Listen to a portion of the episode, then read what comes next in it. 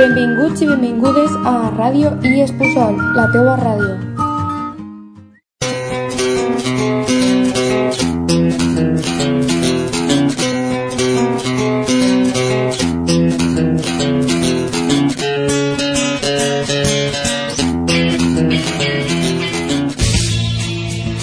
A continuació podrem escoltar unes notícies al voltant de Puçol que han creat els alumnes de primer de l'ESO.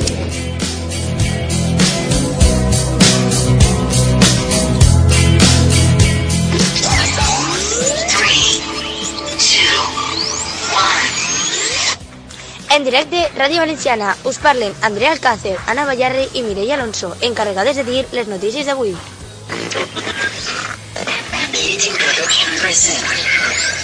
El 19 de maig es formà un petit huracà a la costa del Mediterrani a Espanya, sobretot als pobles valencians de l'Horta Nord. L'huracà anava cap a Itàlia, però ha girat i l'ha fet vindre cap a les costes valencianes. Un huracà així no es veia des de feia 50 anys, i menys a un poble tan xicotets de la península ibèrica. Ara us deixo la meva companya Anna, que us dirà les conseqüències d'aquest huracà. La mala notícia és que, si continua a acabar avançant, pot arribar fins i tot a les nostres costes. Els agricultors seran els que se veuran més afectats, ja que el vent arrencarà tots els seus cultius. No és aconsellable anar a la platja, i millor si s'abrigueu. Unes poquetes pedres a les, buscat, a les butxaques no us vindran malament. En la carretera de Puçol, uns monos s'han escapat d'un camió que anava cap al bioparc de València. No ells cau de casa fins que no els atrapen. Tots els supermercats han deixat de vendre plàtans perquè els monos es mengen. Aleshores, no fu pastissos de plàtan ni res per l'estil, perquè se'ls menjaran.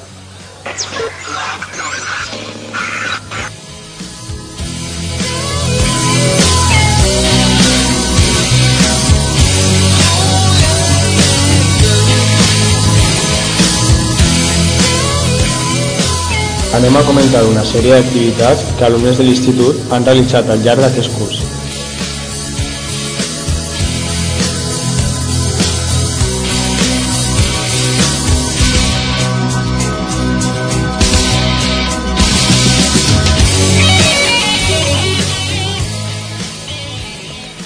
Hello, my name is Samuel and today I'm going to talk about the trekking to Gatoba that I did with my companions.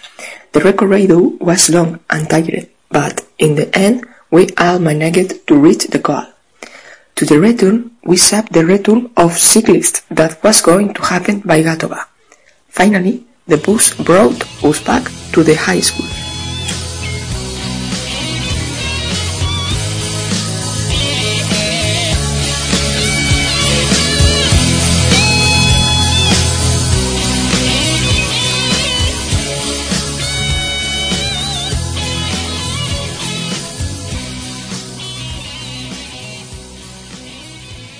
Cartes d'amor. Els alumnes de l'IES Puçol demostren el seu amor d'una manera molt original. Una de les activitats que es realitza l'Institut per al Desenvolupament i la Coordinació Lingüística és la de Tinc una carta per a tu. Aquesta activitat consisteix en que l'alumnat pot escriure una carta d'amor a qualsevol cosa, per exemple, un animal, una persona, un objecte... Les cartes s'escriuen en llengües diferents que s'aprenen en l'institut. De cada classe es tenen unes quantes, i aquestes són exposades en el corredor. Ara estan exposades en el segon pis. El procés de participació consisteix en que el professorat avisa quan és el dia de l'entrega i l'alumnat pot fer la carta a qui vulga. Les cartes es llitgen en classe i l'alumnat vota per les que més els ha agradat. El professor corregeix les més votades i aquestes s'han de passar a un full de color. Cada curs té assignat un color que el professor t'ha de donar. Pots presentar el poema com vulgues, de manera que al penjar-les totes s'observa gran varietat. Aquesta és una activitat que involucra a tots els alumnes que vulguin participar i que desenvolupa la seva expressió escrita.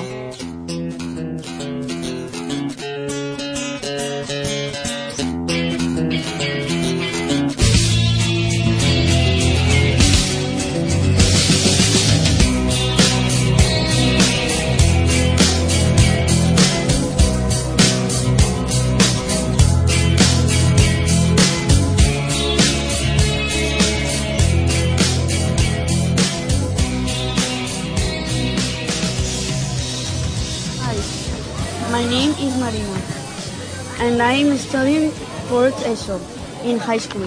The other day, my class and I went to the Engineer University of Burjasot.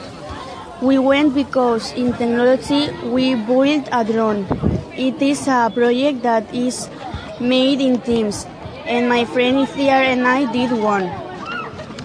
Hi, my name is Ithiar, and today he will explain what the visit to the aerial fair consisted of. Last Friday, the 18th of May, we went to the Engineering University of Burjasot. When we arrived there, we went to our table and left all alone.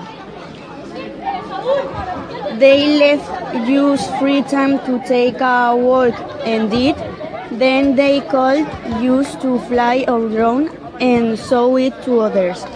It's 11 o'clock. They called use to expose the drone to the other institutes. We went to the room, but it door nine while. We got lost. The university is hard. Luisa, Samuel, Jeffrey, Lydia, and Jessica are colleagues, and when we finished, we are coupled. It was a very interesting experience because we went to the university and we realized that it was completely different. I really liked the place and wouldn't mind coming back. It was incredible.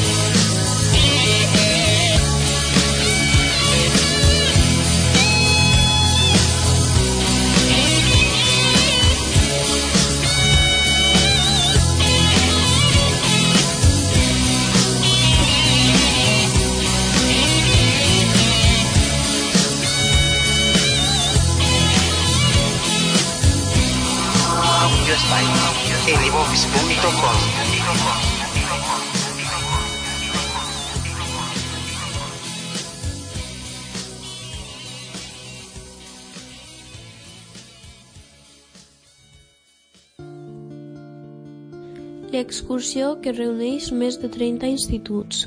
La Valencianada és una excursió organitzada per U Entretants a València el 27 de març, perquè l'alumnat conega més la ciutat i aprenga a utilitzar el metro i l'autobús. Com va la mecànica d'aquesta excursió? La mecànica d'aquesta excursió és que l'alumnat de cada institut ha de fer grups de 3 a 6 persones. Aquí prèviament s'ha demanat que es descarreguen algunes aplicacions, com el Live 360, EMT, realitat augmentada, Instagram, etc. El dia de l'excursió, el professorat dona unes targetes amb edificis emblemàtics de la ciutat on hi ha pistes, localització i si està lluny. També dona un bonus gratuït d'autobús i de metro. Quan l'alumnat arriba al punt de trobada, els equips hauran d'anar als llocs que marquen les targetes i fer-se una foto allà per després pujar-la a Instagram amb alguns hashtags. I a més, si el grup es troba amb alguns alumnes d'altres instituts, també poden fer-se una foto per a pujar-la després amb altres hashtags. O també, si estan a l'autobús o al metro, poden fer-ho.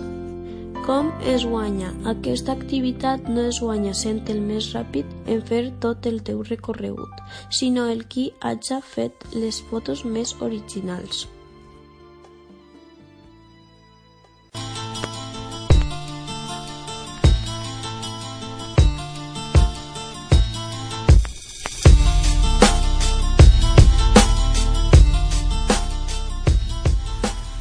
A continuació, escoltarem unes entrevistes que els alumnes han fet als seus professors.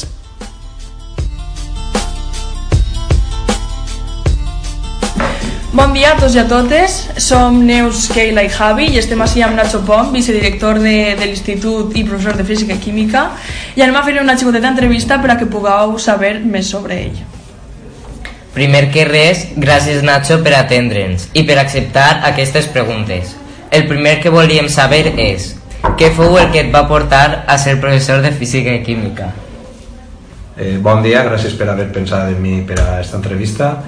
Eh, bueno, eh, del que em preguntes què em va portar a ser professor de física i química pues, eh, en realitat al començament quan jo estava estudiant mm, en la universitat no tenia clar què volia ser va ser només una vegada acabat el, els estudis universitaris quan eh, vaig tenir aquesta oportunitat de presentar-se a, unes, a unes oposicions em vaig presentar, les vaig aprovar i, i així estic des d'entonces. Eh, en un principi no tenia, pensava que no tenia vocació de docent, però quan, quan he estat treballant així eh, m'he adonat que, que sí, que, que és, és una cosa que m'agrada. Com és estar amb un càrrec directiu? Et sent pressionat? Bueno, pressionat no seria la paraula sent, eh, se sent molta responsabilitat perquè has de tractar d'organitzar el millor possible les coses i de vegades pues, no ho aconsegueixes. Així és que pressionant no amb responsabilitat però eh, content de, de poder haver estat de, i d'estar en este càrrec.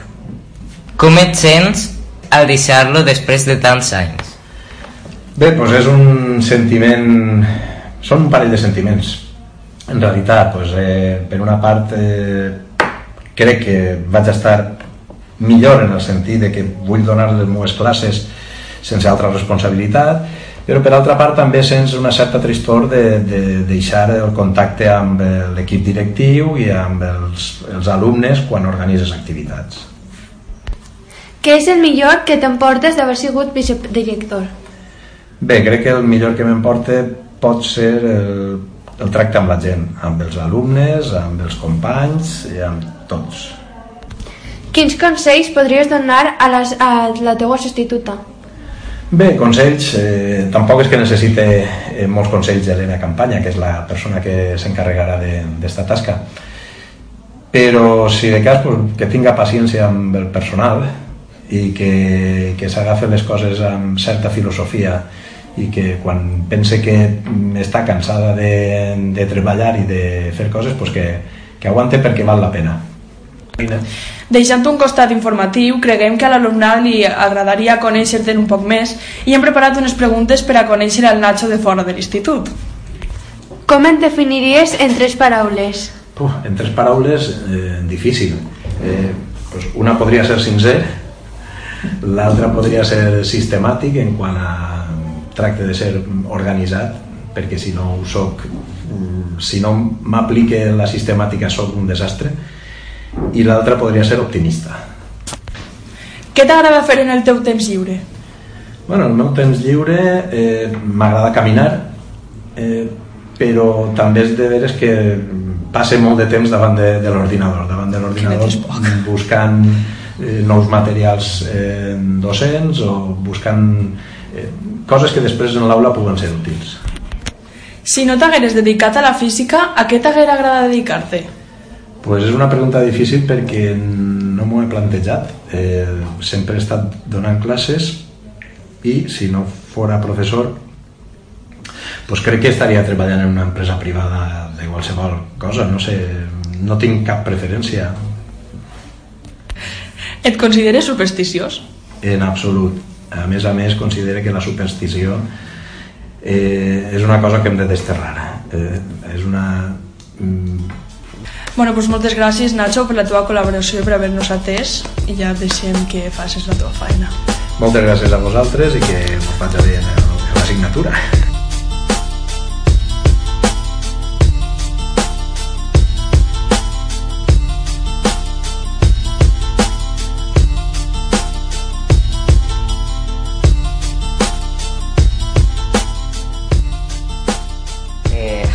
Many years are you working? I'm working about uh, 30 years. Uh, okay. What is the finality of your job? I'm a biological teacher. And do you like your job? Yeah. So much. Okay. I Are- enjoy I enjoy every moment in my job. Are you proud of your job? Uh, uh, well, um, yes. Apart, I'm proud. apart from, from biology, do you give lessons of any type of subject? Yes, ge- geologic. science. Okay. What is the finality? Of? Finality of? This subject.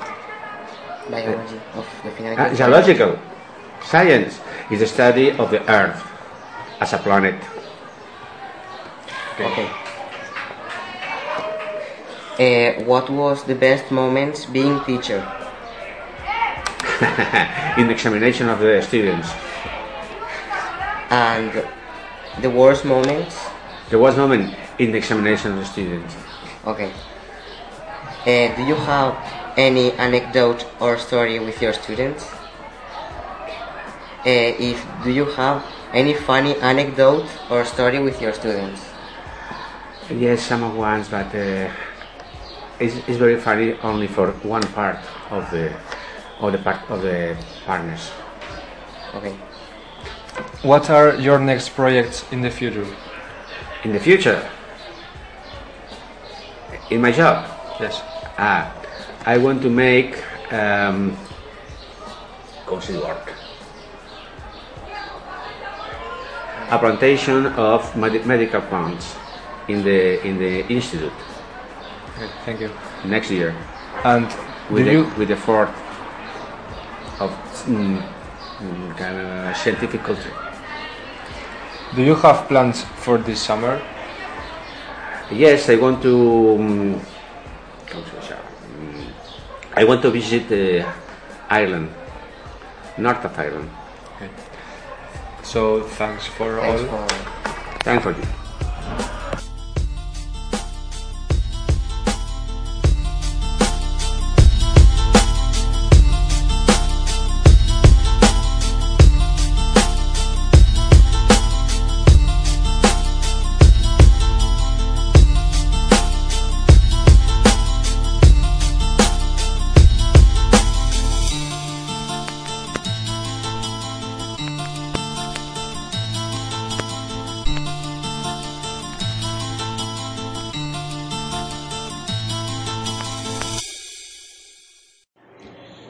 Sommes des élèves qui avons participé dans les chances scolaires de français. Nous allons faire une interview à Elena pour savoir son expérience. Question 1.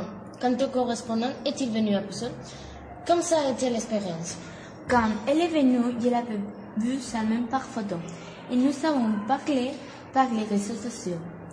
Et pour moi, c'était un peu bizarre, parce que j'avais peur que nous ne sympathions pas. Mais c'était totalement différent.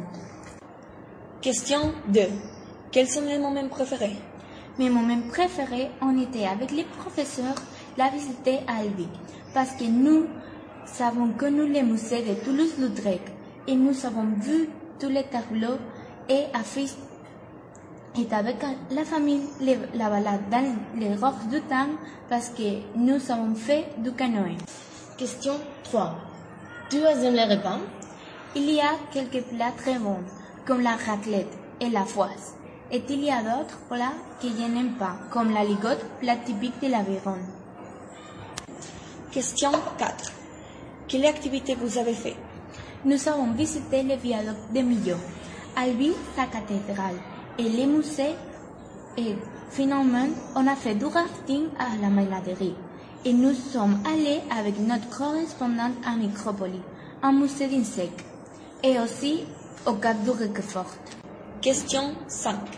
Quelle a été celle qui t'a plu le plus et quelle t'a plu moins? Dis-moi pourquoi. L'activité qui m'a plu le plus a été faire du rafting à la Maladerie, parce que je n'avais fait jamais du rafting. Et l'activité qui m'a plu moins a été visiter le cap du Roquefort parce qu'il fait peu. Et je déteste les fromages. Question 6. Qu'est-ce que tu choisis de positif de cette expérience? De cette expérience, j'ai choisi des positifs que j'avais fait de nouveaux amis et, en même temps, j'ai appris de nouveaux mots. Et je peux parler mieux le français. Et ça, c'est tout de l'expérience d'Elena de l'échange scolaire à France. Merci pour ton attention. Au revoir. Au revoir.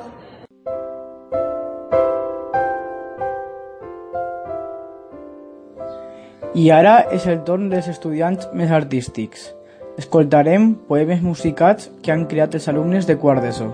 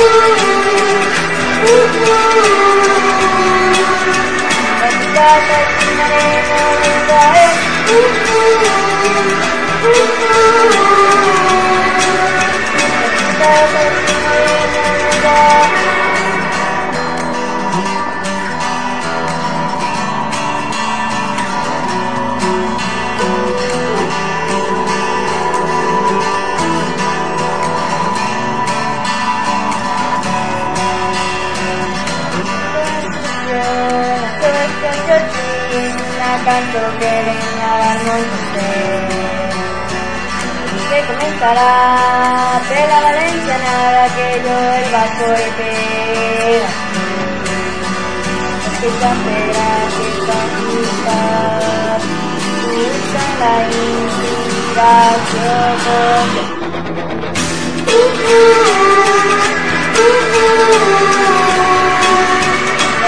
quan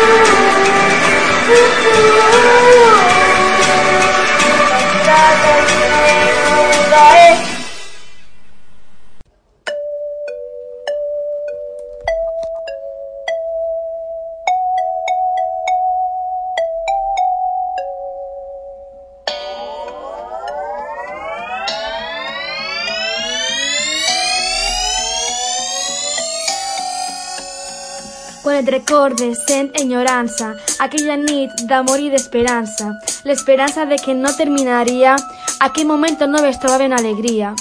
Tant de bo poguera tornar a sentir la sensació que em vas causar, l'emoció, la felicitat i la cercania, es tornen ara en nostalgia, mirant a les estrelles brillant, mentre altres dansaven cantant. Jo tornaria per estar al costat dels culpables d'aquesta soledat, del teu record, la meua sensació, de que em portaràs a la perdició, del teu record, la meua alegria, de que tornaràs algun dia.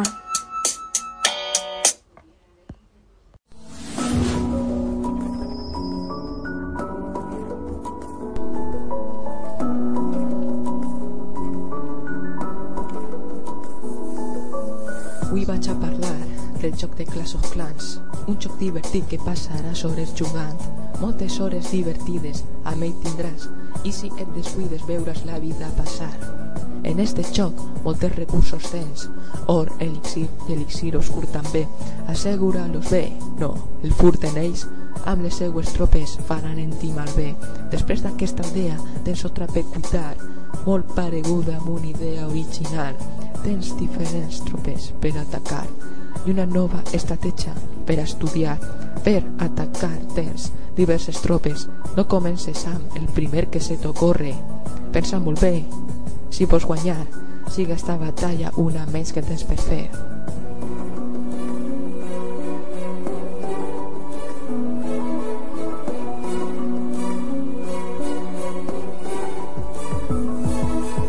Tant de xucar m'ha oblidat que tenia que estudiar socials per a demà. Segur que el 4 ni m'hi apropia a este examen. Directe a junt, on me passa sempre per jugar. Ara tots estem en l'era digital, pendents del mòbil si entra algun WhatsApp. Jo estic pendent si entra alguna del joc per a iniciar-lo i jugar un muntó. Tots els anys disfrute de les meues falles, tradició valenciana que a març sempre ocorre, petards masclets i focs artificials són algunes de les coses d'aquesta festivitat. Espero que Estivaliz m'aprova més de rap, que l'he dedicat moltes hores per dissenyar. Jo vull un 5 a aquesta avaluació per disfrutar sense cap preocupació.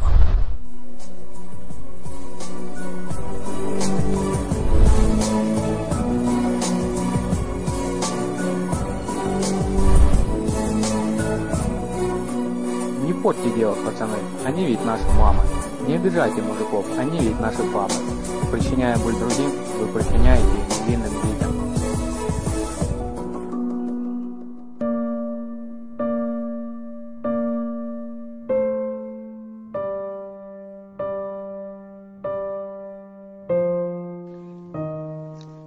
Des que som xicotets, els alumnes de la comunitat valenciana som incitats pels professors de valencià a convertir-nos en autèntics es- escriptors utilitzant la nostra capacitat d'escriure bones narracions i aprendre com dur a terme tot el que hem après en classe. Així, aquest curs a l'institut, tots els alumnes hem tingut l'oportunitat de gaudir escrivint, fent públiques les nostres històries, històries i participant en un concurs juntament amb la resta d'instituts.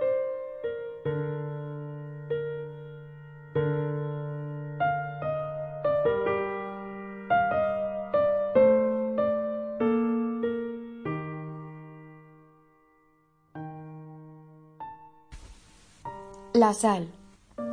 Hi havia una vegada, fa molts segles, un noble molt famós i molt poderós que vivia a la ciutat de València. Tenia una casa molt gran, de color blanc i amb moltíssimes finestres. En ella convivien ell i les seues tres filles, a més de tots els criats. Les estimava molt i per veure quant l'estimaven elles, va decidir que cada una li mostrara a la seva manera quant el volia. Maria, la més major de les tres filles, li va dir Pare, jo faré un ball per a tu.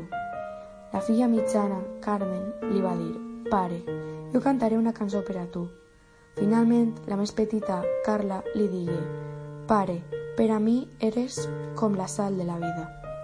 L'home no va acabar d'entendre què volia dir la seva filla amb aquestes paraules. La va malinterpretar, perquè es pensava que allò que li havia dit era una cosa dolenta, i la va castigar en l'habitació més aïllada de la casa. L'endemà, el noble va demanar que li prepararen un gran dinar. Li van cuinar moltíssims plats, però a cap li van posar sal. Cap menjar li va agradar. Notava que a tots els faltava una miqueta de sal, la mateixa quantitat que li ficava la seva filla petita quan cuinava ella. Aquella miqueta tan petita de sal feia que els plats estigueren increïblement bons. Aleshores es va adonar de per què li havia dit allò la seva menuda. Ell era capaç de fer increïblement bona la vida de Carla. Així que va córrer a buscar-la i li va demanar perdó. Es donaren un abraç i aquella nit van sopar tots junts, entre rialles i molts plats amb sal.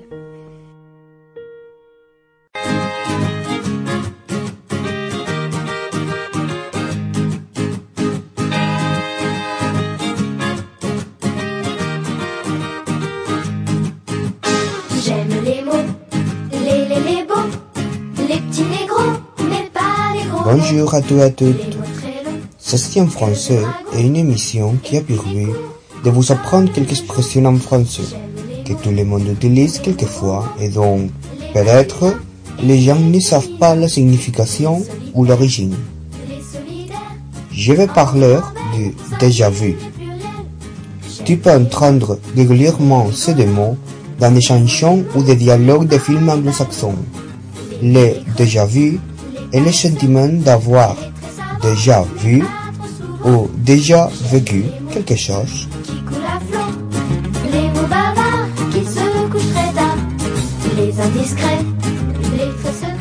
Ma phrase est femme fatale. On dit qu'une dame est une femme fatale quand est un personnage qui utilise la puissance de la sexualité pour plaisir les héros malchanceux. Elle est quelquefois considérée comme une anti-héroïne. Les officiels, les confidentiels, les très sérieux, les mystérieux. L'expression bon appétit. Cette expression fameuse qui est utilisée d'habitude à chaque instant avant de manger et dans toutes les régions du monde trouve son origine dans le Moyen Âge. Pendant les banquets magnifiques, les rois, assis sur la table qui présidait la salle, donnaient à essayer sa nourriture à la personne qui l'avait assise à sa gauche, qui était normalement un faux responsable de l'église, pour qu'il vérifie s'il était empoisonné ou non. Après l'avoir vérifié, les représentants de l'Église se dirigeaient vers le roi avec l'expression Bon appétitionner. Cette expression consacrée est arrivée à nos temps et maintenant on l'utilise pour s'adresser à quelqu'un qui va manger ou prendre un repas et puis lui souhaiter qu'il ait un bon repas. Un dictionnaire extraordinaire.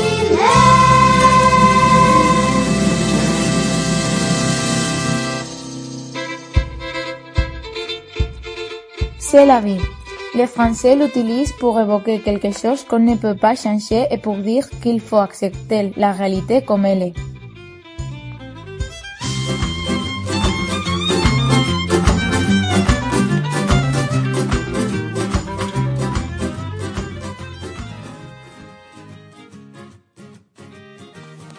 Je voudrais expliquer l'expression voir la vie en rose. Cette expression a été utilisée par la chanteuse française Edith Piaf dans son chanson. Cette phrase signifie qu'on voit la vie avec des lunettes roses, ou les- c'est le même, on voit la vie avec la félicité. Les masculins et les féminins, les solitaires, les solidaires,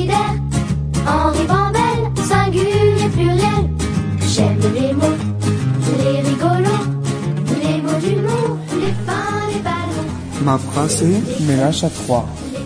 On parle de ménage à trois quand on a une relation entre trois personnes qui ont des relations personnelles et domestiques. Ils peuvent avoir des relations sexuelles seulement ou peut-être une relation pour travail ou de confiance.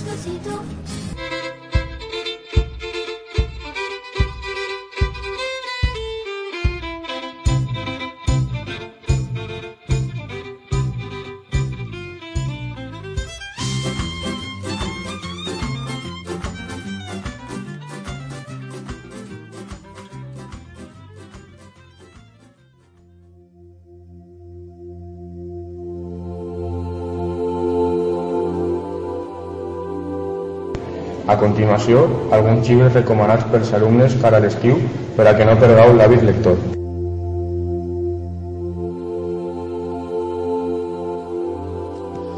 Hola, soc Ramon García, alumne de quart D, i per a lectura fresca he llegit el llibre de Passejos d'Ombra, ja que després de llegir la sinopsis de tots els llibres optatius em pareixia el més interessant. Aquesta història comença explicant eh, l'estiu de 1995, que Clara, la protagonista, va viure quan era jove. Ella, com cada estiu, el passaria amb la família. Per aquell estiu, el pare va, va decidir que el passarien al Pazo, una casa molt gran que es troba a Vilarreia, prop de Corunya, herència de l'àvia que va morir fa pocs anys. Aquell estiu el va passar a la casa amb la seva mare, el pare, els dos germans i dos cosins. Però el bo comença quan estaven fent obres al Pazo i els obrers es trobaren un esquelet. Clara va trobar en l'esquelet un anell que va amagar. Eh, la, mateixa, la mateixa nit va conèixer un xic anomenat Miquel. Al cap d'uns dies va vindre l'oncle de Clara, de Clara i li va contar tot, fins i tot lo de l'anell, com a Miquel. Clara pensava que l'assassí va ser un avantpassat seu, així que Miquel va pensar en preguntar-li a la seva àvia, que va viure en l'època franquista en la casa. Ella els explicà que era l'àvia de Clara i el seu marit, que varen casar per obligació, i ella volia un altre que va tindre que anar-se del país perquè no sigui assassinat. Després així comencen a passar coses inesperades i sorprenents que mantindran enganxats. Eh, L'autor d'aquesta narració és Agustín Fernández Paz, un escriptor gallec que treballa de professor i que va guanyar el 2008 el Premi Nacional de Literatura Infantil i Juvenil. Eh, finalment, en l'opinió personal sí que m'ha agradat el llibre, ja que té intriga i és entretingut, i em pareix bon llibre. Jo personalment el recomanaria, ja que a mi, que no m'agrada molt llegir, aquest llibre sí que m'ha agradat.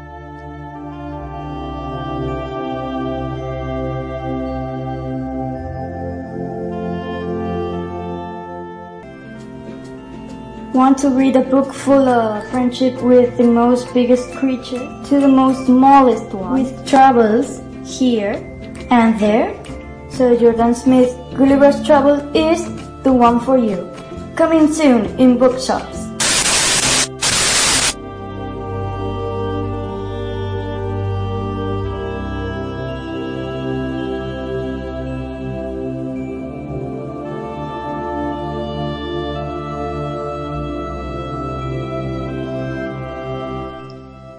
Tots i a totes. Soc Irene Cànovas, de primer de batxiller B, i en aquest àudio vull comentar el llibre que he llegit per a la classe de valencià.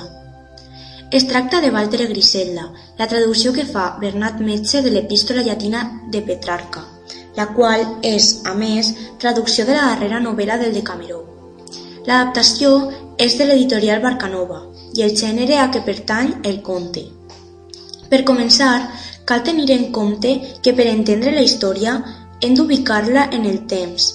Així, hem de traslladar-nos a la darreria del segle XIV, l'edat mitjana, una època feudal.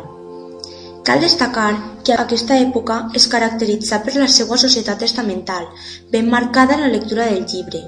Una classe privilegiada, els nobles, i una altra classe sotmesa i pràcticament esclava.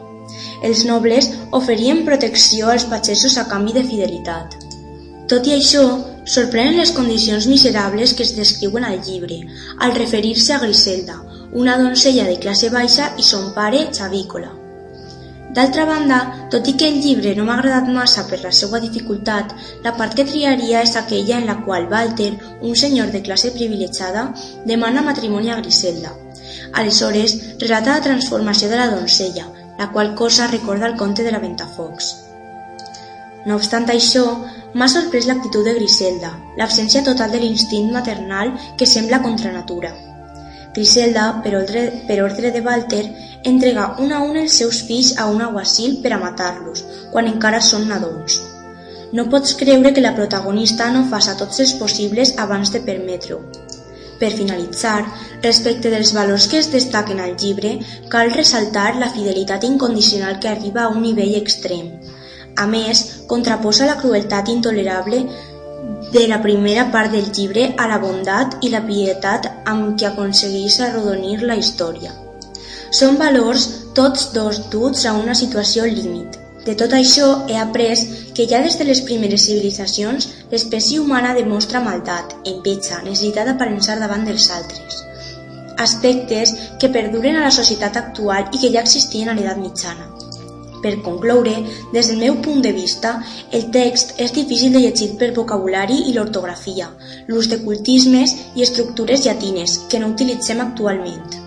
Per aquesta raó, el llibre el recomanaria a persones a qui agrada, a qui agrada estudiar la llengua, l'origen de les paraules i la seva evolució, la prosa elegant i mesurada i la renovació estilística introduïda per Bernat Metge a la seva època pot interessar a qui, a qui gaudeix de la llengua i de la història amb un coneixement avançat de totes dues matèries. Gràcies a tots, adeu.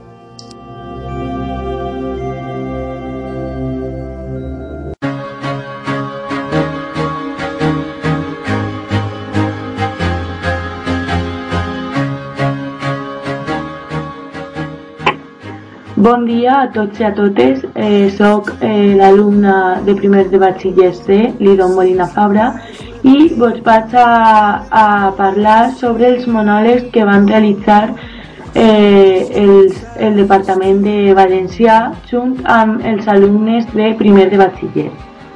L'Institut de Puçol, el passat 22 de desembre, compromès amb l'ensenyament i la creativitat de l'alumnat, va decidir, gràcies al Departament de Llengua i Literatura Valenciana, dissenyar un concurs de monòlegs on havien de participar tots els alumnes de primer de batxillerat. Aquests van presentar monòlegs de forma individual o col·lectiva, ja que era la primera vegada que es realitzava aquest tipus d'activitat i l'alumnat no tenia la mateixa seguretat si ho feien a soles que protegits per altres. Després de realitzar l'activitat, els professors es van adonar de la bona creativitat i actitud dels alumnes, ja que van crear monòlegs de temes que realment van sorprendre el professorat. Els alumnes es van arriscar amb temes de política, de la societat juvenil, i inclús van fer insistència en aspectes com la vida quotidiana de cada família. Al finalitzar tots els monòlegs va haver-hi una selecció d'allò més rigorosa, encara que els professors ens afirmaven que tots havien estat magnífics i plens d'alegria i bona voluntat. Després que els alumnes representats de cada primer de batxiller mostraren els monòlegs per segona vegada davant de tot el claustre i direcció, va haver-hi un guanyador triat pel públic assistent. Així doncs, pel mèrit, la constància i la seva agilitat a l'hora de fer riure, el premi el va obtindre César Peris Olmedo, alumne de primer de batxillerat.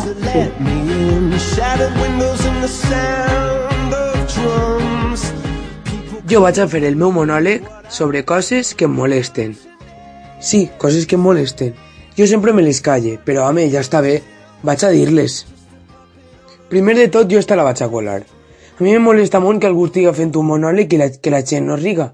Collins, eh, fe, forceu la risa, encara que siga, per a que jo pense que bé ho estic fent i que bé m'he currat el monòleg i que gràcia està fent. Altra cosa que molesta molt són les innovacions que este any estan fent en l'institut. M'han dit que alguns departaments s'estan modernitzant. Jo no vaig a dir quins, però la veritat és que no sé per què. Mireu, que si fer exàmens per ordinador a casa. Ah, però és que damunt en el temps al coll. Que si no hi ha llibre, ara, tot per Moodle, tot per Moodle, tot per Moodle. Sabeu què? Jo pense que algo s'emporten. Sí, sí, que algo rasquen. Home, per algú ho havien de fer. No anava a ser així perquè així, perquè ells volgueren. Jo pense que l'institut els ha dit. Esta aplicació, pàgina web, no sé el que és la veritat, està molt morta, no la gasta ningú. Pues ja traeu-li profit i obligueu-los a gastar-la. I algo s'emportareu, algo rascareu, vamos. Ara, que si continua així el departament, no sé jo. La meva professora sempre ha sigut molt moderna ella i venia un micret i tot, però jo crec que això se n'està dant de mare. Què va ser el pròxim? Que es graven a casa donant l'explicació i la putxen a que no sabeu on? A Moodle, és clar. Ai mare, i que ara jo estic així fent un monòleg, tu te creus? Serà divertit, dia la meva professora, però jo tinc els ous en la gola i gràcia no me n'està fent ninguna. Altra cosa que molesta molt, jo ho admitís, jo sempre quis de casa el mòbil en silenci, a mi el risc m'agrada. Jo puenting encara no m'atrevisc a fer, però el mòbil quan tis de casa, en silenci, sí, en silenci. Doncs em molesta molt, per exemple, poseu-vos la situació que vosaltres esteu amb els vostres amics per ahí i jo el mòbil en silenci i de repent agafeu el vostre mòbil.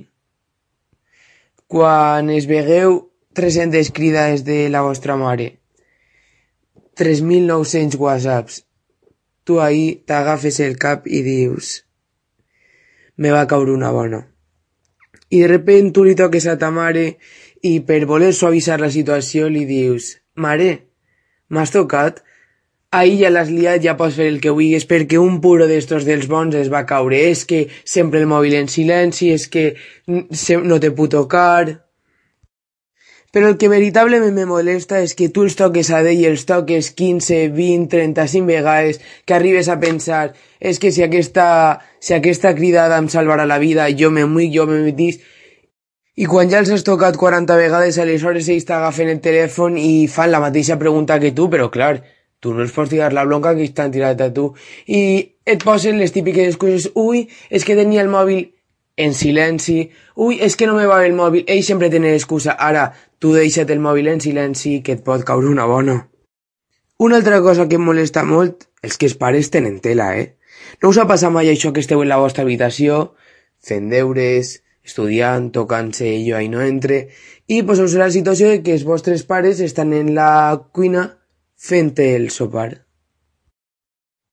I de repent ton pare o ta mare et criden César, tu que m'ho van fill, més que res per de saber què et van a dir, tu contestes que ja ha vingut el lío, jo he arribat a passar-me un quart d'hora de rellotge cridant que i sé que en augment de crit, que ahir no contestava ningú. Home, imagineu-se el to que un dia puja el del primer per veure si passava algo, de repente toca el timbre, ma mare a la porta en un segon i jo, tot vos, diguent-li, però porta jo aquí delante un quart d'hora de rellotge que s'ha enterat hasta baix i no me sents a mi i sense el timbre.